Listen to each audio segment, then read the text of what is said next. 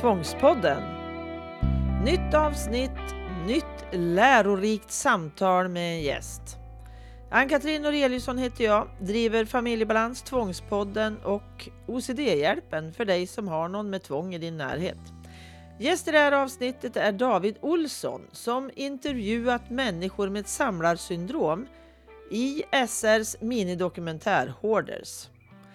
Du hittar minidokumentärerna som SR sänder på deras hemsida sr.se eller i SR-appen. Välkommen till Tvångspodden!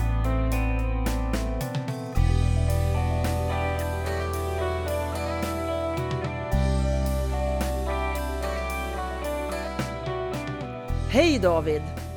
Hej! Och välkommen till Tvångspodden! Tack så jättemycket för att jag får vara med. Och eh, idag så ska vi prata om patologiskt samlande.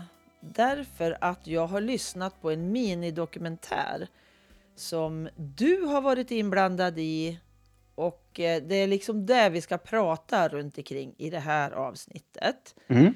Men först så vill jag att du berättar lite kort om vem du är. Eh, ja, eh, David heter jag. Jag är eh, journalist, har precis fyllt eh, 30 år sedan några dagar tillbaka eh, och bor i Stockholm. Har ett ursprung liksom mer från landsbygden utanför Uppsala där jag är uppväxt. Har själv haft och har tvångstankar sedan jag var ungefär 12-13 år. Eh, så har jag liksom en viss erfarenhet av det. Det är väl det i stora drag kan man säga. Mm. Precis. Och den här minidokumentären då, det är ju på P1 och det är Mm. ganska nyligen som den kom va? Det är inte så länge Mm. sedan. Nej, exakt. Sista, det tredje sista avsnittet kom för ungefär två veckor sedan tror jag att det blir nu. Ungefär. Har faktiskt Så det är tre lyssnat. delar. Ja, jag har lyssnat på den två omgångar. Jaha, okej. Jag tycker Vad det var spännande för det är tre helt olika personligheter eller problem eller vad Mm. man ska kalla det för. Det är ju tre inriktningar eller ja, Mm. det är Mm. två med eget samlar, egen samlarproblematik och en som är anhörig.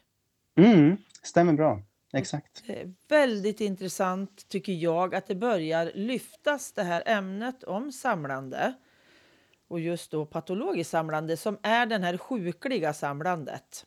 Det är ju inte att Mm. man har en hobby att samla på någonting utan det är ju att när det blir ett jätteproblem. Mm. Exakt. Och det har ju varit väldigt tyst om det här tidigare.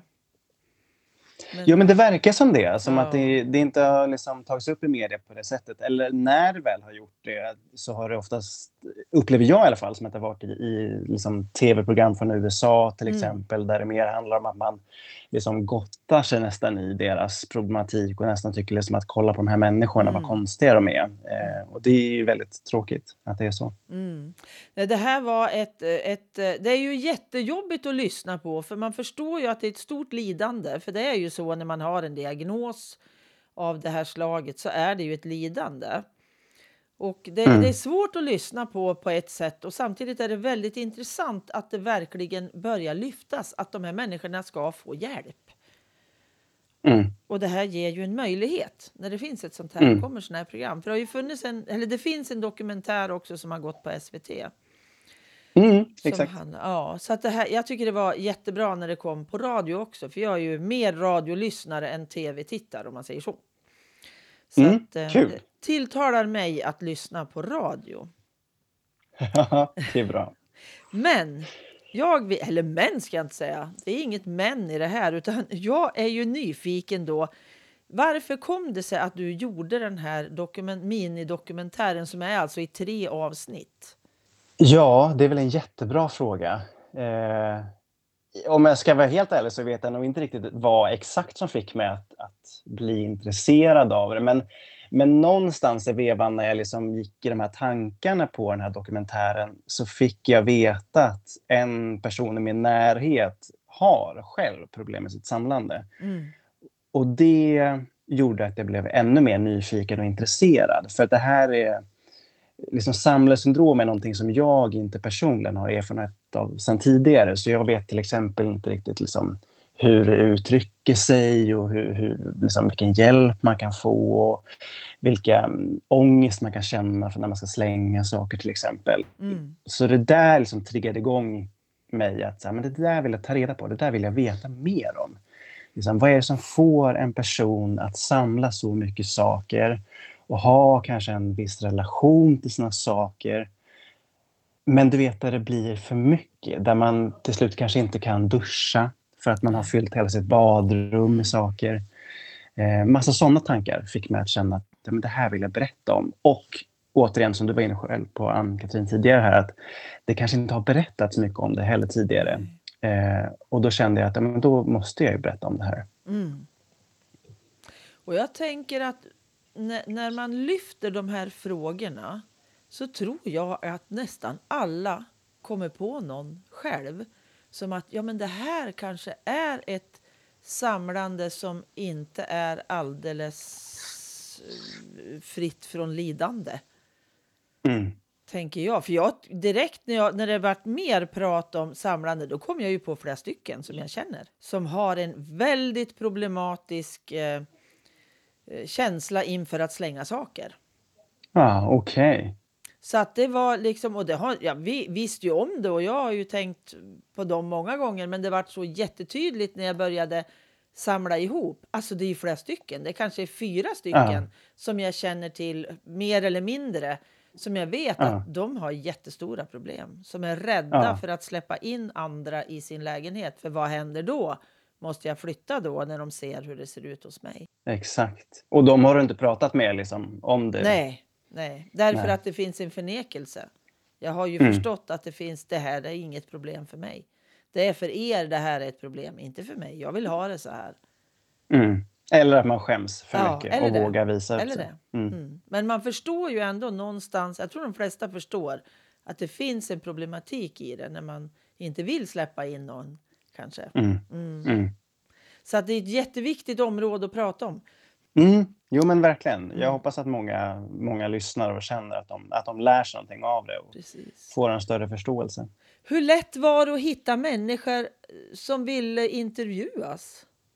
Både lätt och svårt skulle jag säga. Det var rätt svårt eh, att hitta personer som ville berätta, vilket jag har full förståelse ja. för och full respekt för. Just för att det här är ett så känsligt område och, och liksom att släppa in någon främmande människa i sitt hem, det är ju jättesvårt. Liksom. Mm. Verkligen. Men jag försökte ett tag och liksom hörde mig för via olika personer och föreningar och till slut så, så hittade jag ja, men de tre nu har intervjuat då, som, mm. som jag är jättetacksam för att ville släppa in mig i deras liv och ville liksom öppna upp sina hem och berätta om, om deras problem. Då.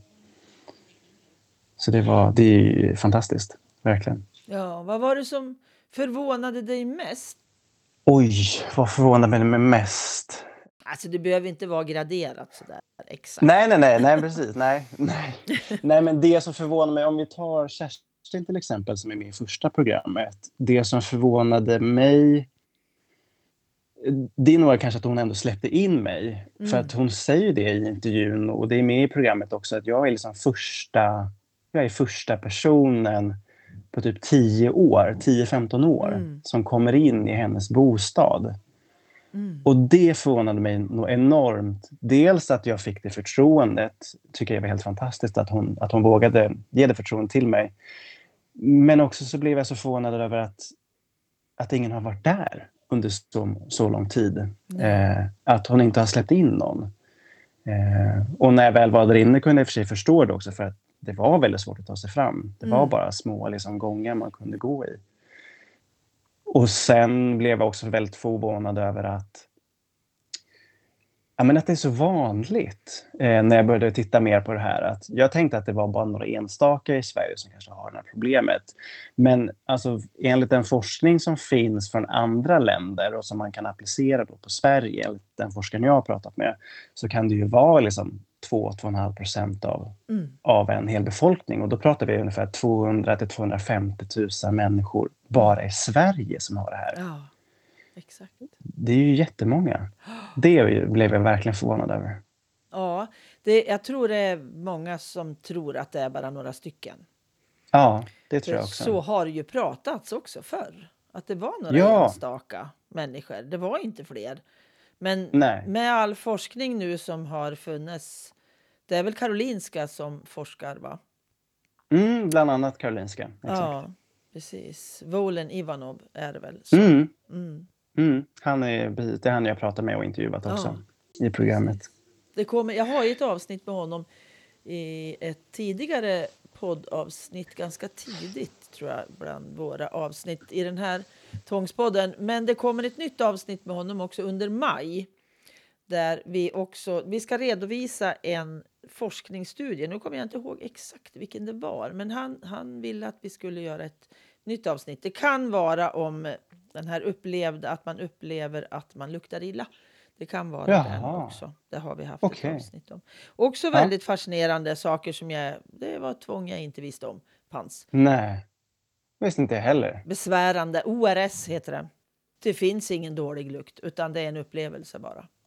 Mm. Okej. Också närliggande till tvång då. Precis som samlarsyndrom är ju också närliggande till tvångssyndrom. Det är ju en egen diagnos. Det är det. Samlarsyndrom nu. Ja, det har inte Exakt. varit tidigare, men i senaste DSM 5 som kom 13, då blev det en egen diagnos. Mm. Så Precis. att då blir det också tydligare. Liksom, när det inte liksom Mm. klumpas ihop med en andra tvångsbeteenden. Nej, liksom. men exakt. Och förhoppningsvis ska ju fler få hjälp också då. Mm. Ja, men absolut, absolut. Men när du, en av de här människorna som är med har ju vid något tillfälle jobbat väldigt mycket med att bli av med en massa saker. Mm, precis. Åke som vi träffar. Ja, men exakt. Och eh, vad, vad upplevde du var liksom det mest positiva för honom att ha färre saker? Alltså liksom att komma en bit ifrån det här.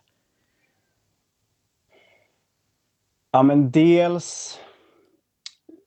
Dels måste man kanske bara förstå att liksom det, är, det är väldigt mycket lidande i att slänga saker också. Mm. Så det är ju liksom väldigt tungt och väldigt jobbig sak att göra. Mm. Men, men det som blev liksom stora förändringar och det som var det positiva för honom rent krasst, det är ju det att han fick behålla sin bostad. Mm. Han eh, skulle ju liksom ha blivit vräkt annars och förlorat sitt hem.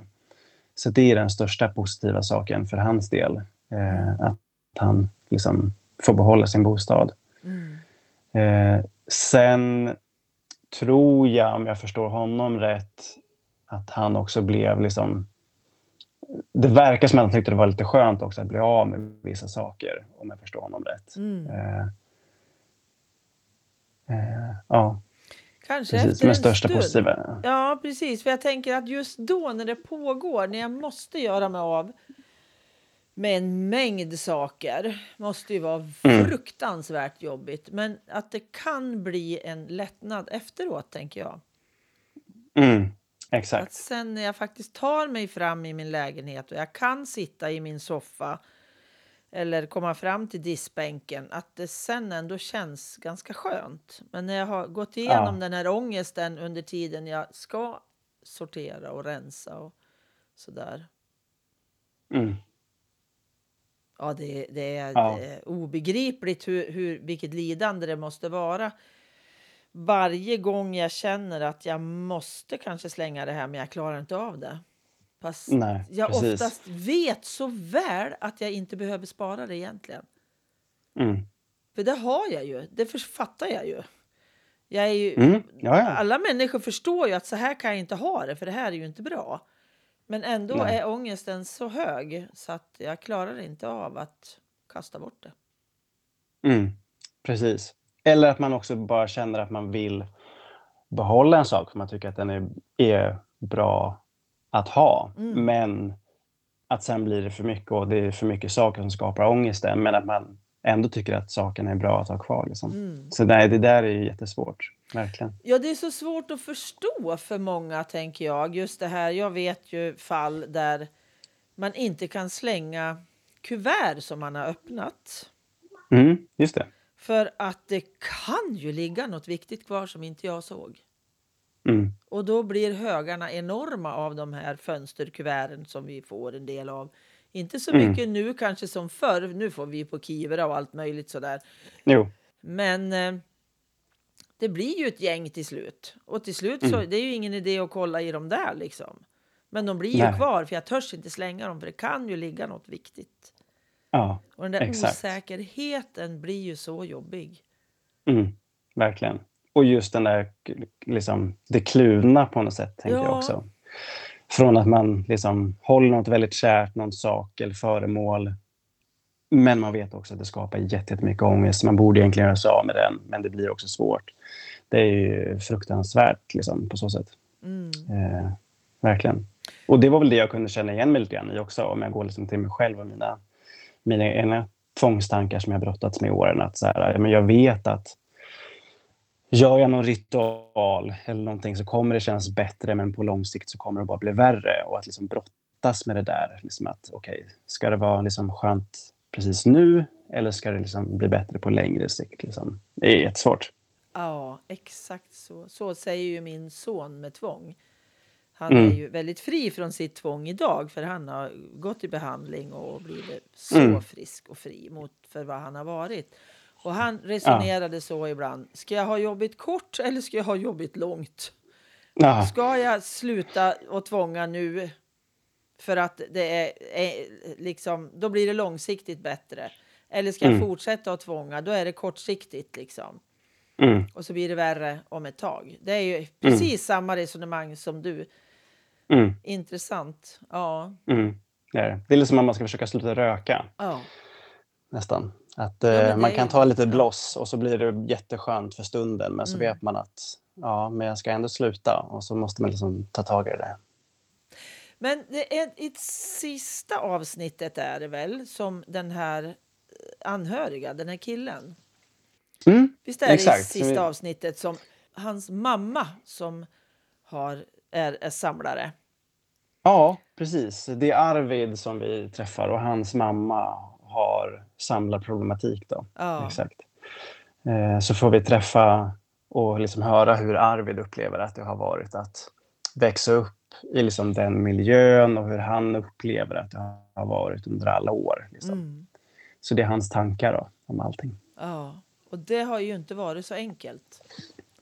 Nej, det har det inte varit för honom i alla fall. Nej. Nej, nej, men det blir ju alltså hela familjen blir ju ofta involverad. För jag tänker på tvång generellt så är det ju så att eh, hela familjen är ju inblandad i det här tvångandet. Att man kanske kräver saker av familjen och så blir det ju också vid ett samlande. Han fick väl inte heller slänga saker misstänker jag. Nej, eh, så kan det säkert... Jag vet faktiskt inte hur hur mycket han liksom själv avgjorde vad han slängde eller inte. Men, men det han beskriver i dokumentären är ju till exempel det här med att när han märker till slut liksom hur, hur golvytan eller liksom utrymmena där han sitter och leker krymper och krymper för att det blir mer och mer saker i bostaden. Liksom. Mm. Och det påverkade ju honom såklart. Och bara det här med att försöka ta hem kompisar och att kompisarna kanske inte riktigt ville vara där hemma, beskriver han det som, men att han själv var för ung för att förstå varför de inte ville vara där. Liksom. Så att, ja. Han har absolut påverkats. Ja, sa han, jag kommer ju inte ihåg vad han sa i avsnittet där hur gammal han var när han förstod liksom på riktigt vad det handlade om. Säger han det där eller till dig? Inte ett exakt årtal som jag minns det, men däremot så, så inser han ju liksom när han börjar gå i mellan och högstadiet. Det är väl där någonstans han liksom börjar få en större förståelse. Liksom. Eh, och sen när han, framförallt när han går i, i högstadiet och sen på gymnasiet, då är han ju väldigt medveten liksom om att det här är liksom, det här är inte normalt om man säger så. Eller hon, ja, det finns ett problem här. Ja, precis. Och redan som barn då så kände han att hans yta blev begränsad. Att det gick inte att leka på det sättet som det gjorde hemma hos andra föräldrar. Mm, han upplever det så Ja, jo, så att han har ju haft en, en påverkan i sitt liv såklart. Mm, Så det känns ju som att det är väldigt viktigt att man tar tag i sin problematik som förälder. mm, Att jobba med de här bitarna. För det finns ju hjälp att få. det gör det. Absolut. Inte överallt och inte i hela långa Sverige såklart, som det är vanligtvis. Att det är inte li- jämlikt liksom.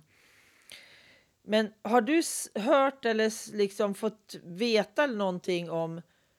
I Stockholm vet jag att det finns bra hjälp mm. och jag tror mm. i Malmö, va?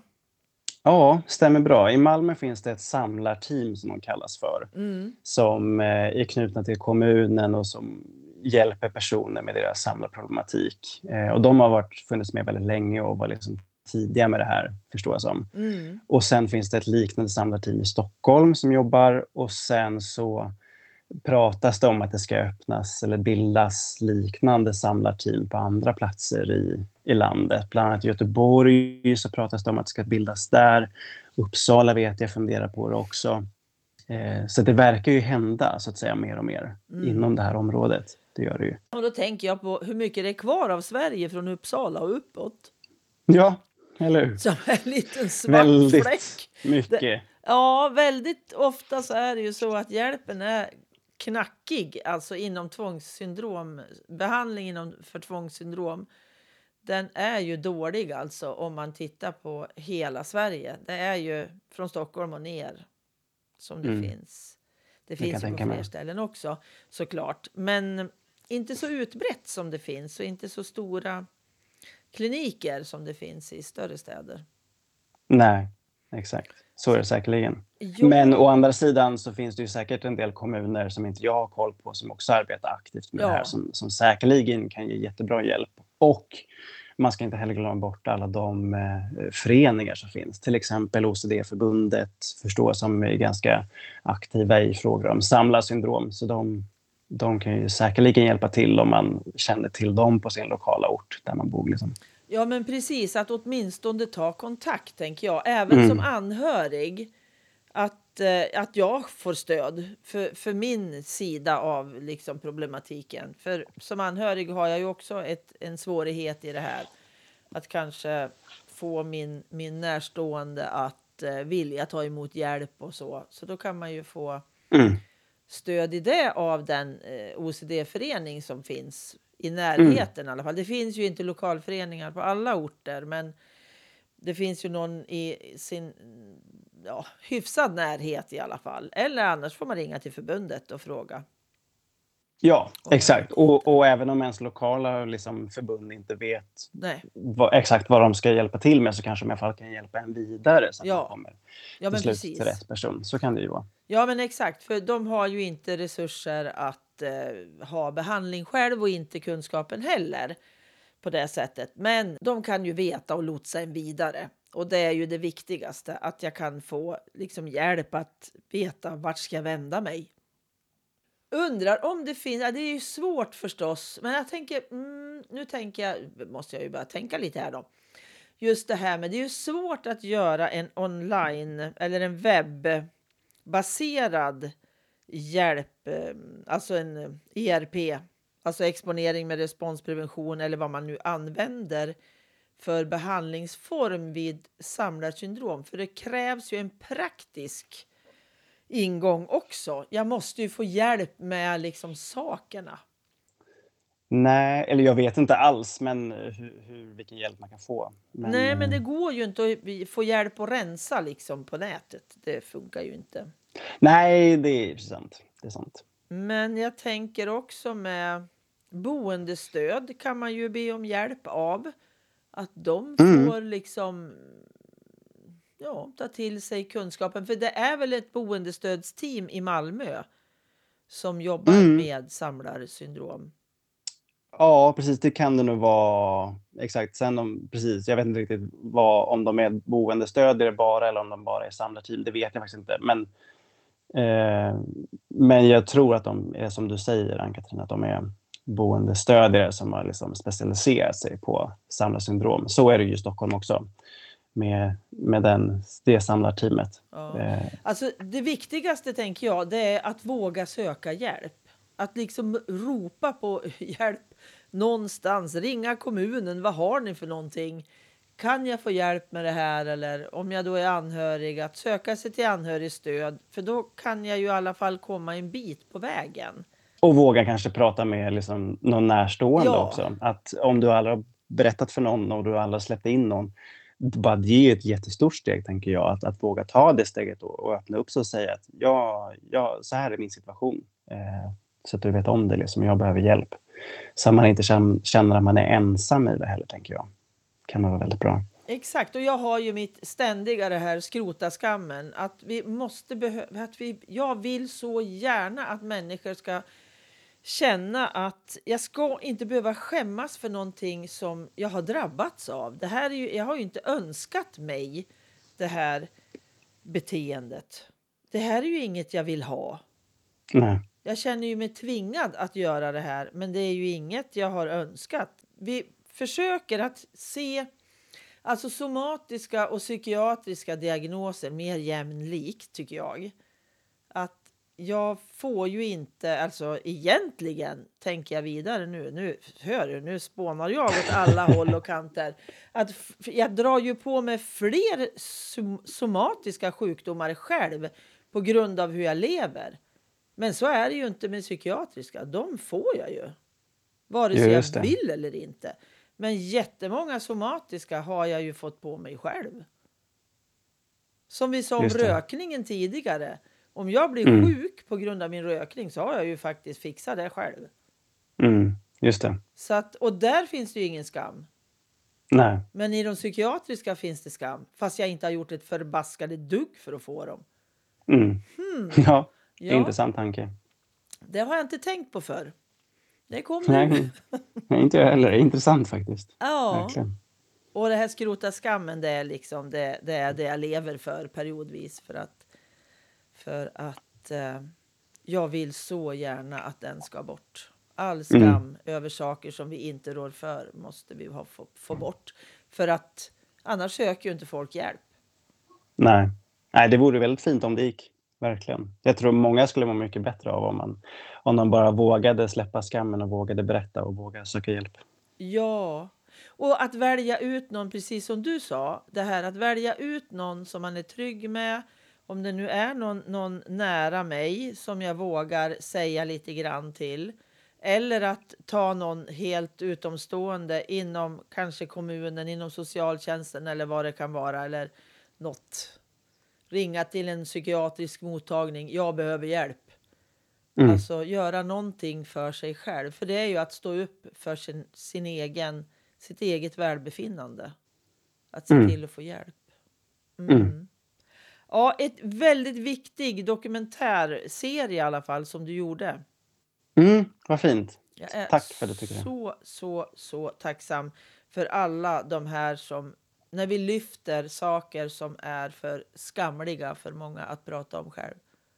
Mm. Och mm. Eh, fantastiskt att du fick möjlighet att intervjua alla de här tre personerna som är jätteviktiga i den här serien, verkligen. Mm. Ja, utan dem hade det inte gått. Nej. Jag är så tacksam och, och verkligen jätteglad över att de, de lät mig få, få prata med dem. Mm. Det betyder så mycket, verkligen. Verkligen. Så jag, jag, jag eh, vill verkligen tipsa om att lyssna på den här minidokumentären. Det är alltså tre avsnitt. Och eh, vad heter den? Det kommer inte jag ihåg fast jag har lyssnat på den sex gånger så att säga.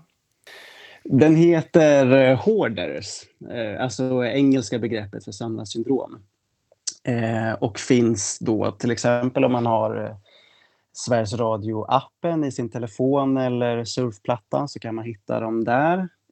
eller så finns de på nätet om man bara söker på P1 Dokumentär miniserie så får man upp alla och där finns då de som heter Hoarders i tre delar. Precis. Så kan Jätteviktigt. Jätteintressant, jätteviktigt. Och en, en möjlighet till att fler kommer att söka hjälp, att det, kommer, att det syns nu att vi pratar om det. Mm, men förhoppningsvis. Och förhoppningsvis i alla fall att fler får upp ögonen för och får en större förståelse. Och, och vågar också fråga kanske någon anhörig. Att så här, men du, jag undrar över det här. Du släpper aldrig in mig. Eller vi är aldrig hemma hos dig till exempel. Mm. Vad, bara, jag vill bara kolla. Hur, hur är det liksom? Precis. Börja där. Exakt. Våga fråga. Mm. Jätte, jätteviktigt och bra. Men är det någonting annat som du tänker på att det här swishar vi för snabbt förbi eller något annat som du tycker att det här skulle vi kunna nämna innan vi avrundar? Mm. Nej, jag tycker du ställer väldigt bra frågor, Ann-Katrin. Jag tycker vi har fått med allting nästan. Vad bra. Eh, ja, nej, jag kommer inte på något. Inte just nu. Nej. Bra, men jag kommer också att lägga en länk till eh, de här avsnitten i själva ja, beskrivningen för det här poddavsnittet så att man lätt kan hitta till avsnitten för den som vill Mm. lyssna. Och annars är det väldigt enkelt i SR-appen. Ja, Det är det. Det är där jag lyssnar på alla mina P1-program som jag Mm. är så förtjust i. ja härligt. Men det Så- finns också andra appar Det finns massor, också, om man vill. massor. Absolut, men jag slår ju lite extra för genom att jag inte är eh, vad ska jag säga, involverad i P1 på något vis så kan ju jag slå ett slag för dem. Jag förstår ju att du inte kan göra det, men jag kan göra det. Nej, men jag gillar ju det här, jag, som jag sa till dig innan vi började prata, att jag gillar ju det här med att, ba, att man bara pratar. Det är inte musik. Jag har ju jättejobbigt när det blir massa musiksnuttar. I. Mm. Jag vill lyssna på intressanta inslag och det finns hur mycket som helst. Hur Mm. mycket som helst. Men tack David för att jag fick ha med dig som gäst i Tvångspodden. Men du, tack själv för att jag fick vara med. Det betyder jättemycket för mig också. Verkligen. Mm. Tack ska du ha. Tack. Hej då! Hej då! Berätta gärna om Tvångspodden för andra så att de också får lära sig mer om tvång och OCD. Och följ gärna OCD-hjälpen, alltså på Instagram. Då blir det OCD-hjälpen understreck for understreck anhöriga. Och är du anhörig och har OCD i familjen så finns min bok Tvång, en guide för dig som anhörig. Och den kan du beställa signerad direkt från mig. Länk finns på familjebalans.se. Eller om du vill låna den så kan du säga till på biblioteket så får de beställa hem den. Eller att du beställer den själv hos din webbokhandlare om du inte vill ha den signerad direkt från mig. Och om du vill ha mina inspirationsmail då ska du stanna kvar där på familjebalans.se och så lämnar du namn och mejladress så kommer mejlen till dig. Tack Anders för redigeringen, Petra Berggren för fotograferingen och Pelle Zetterberg för musiken. Hej då! Hoppas vi hörs igen!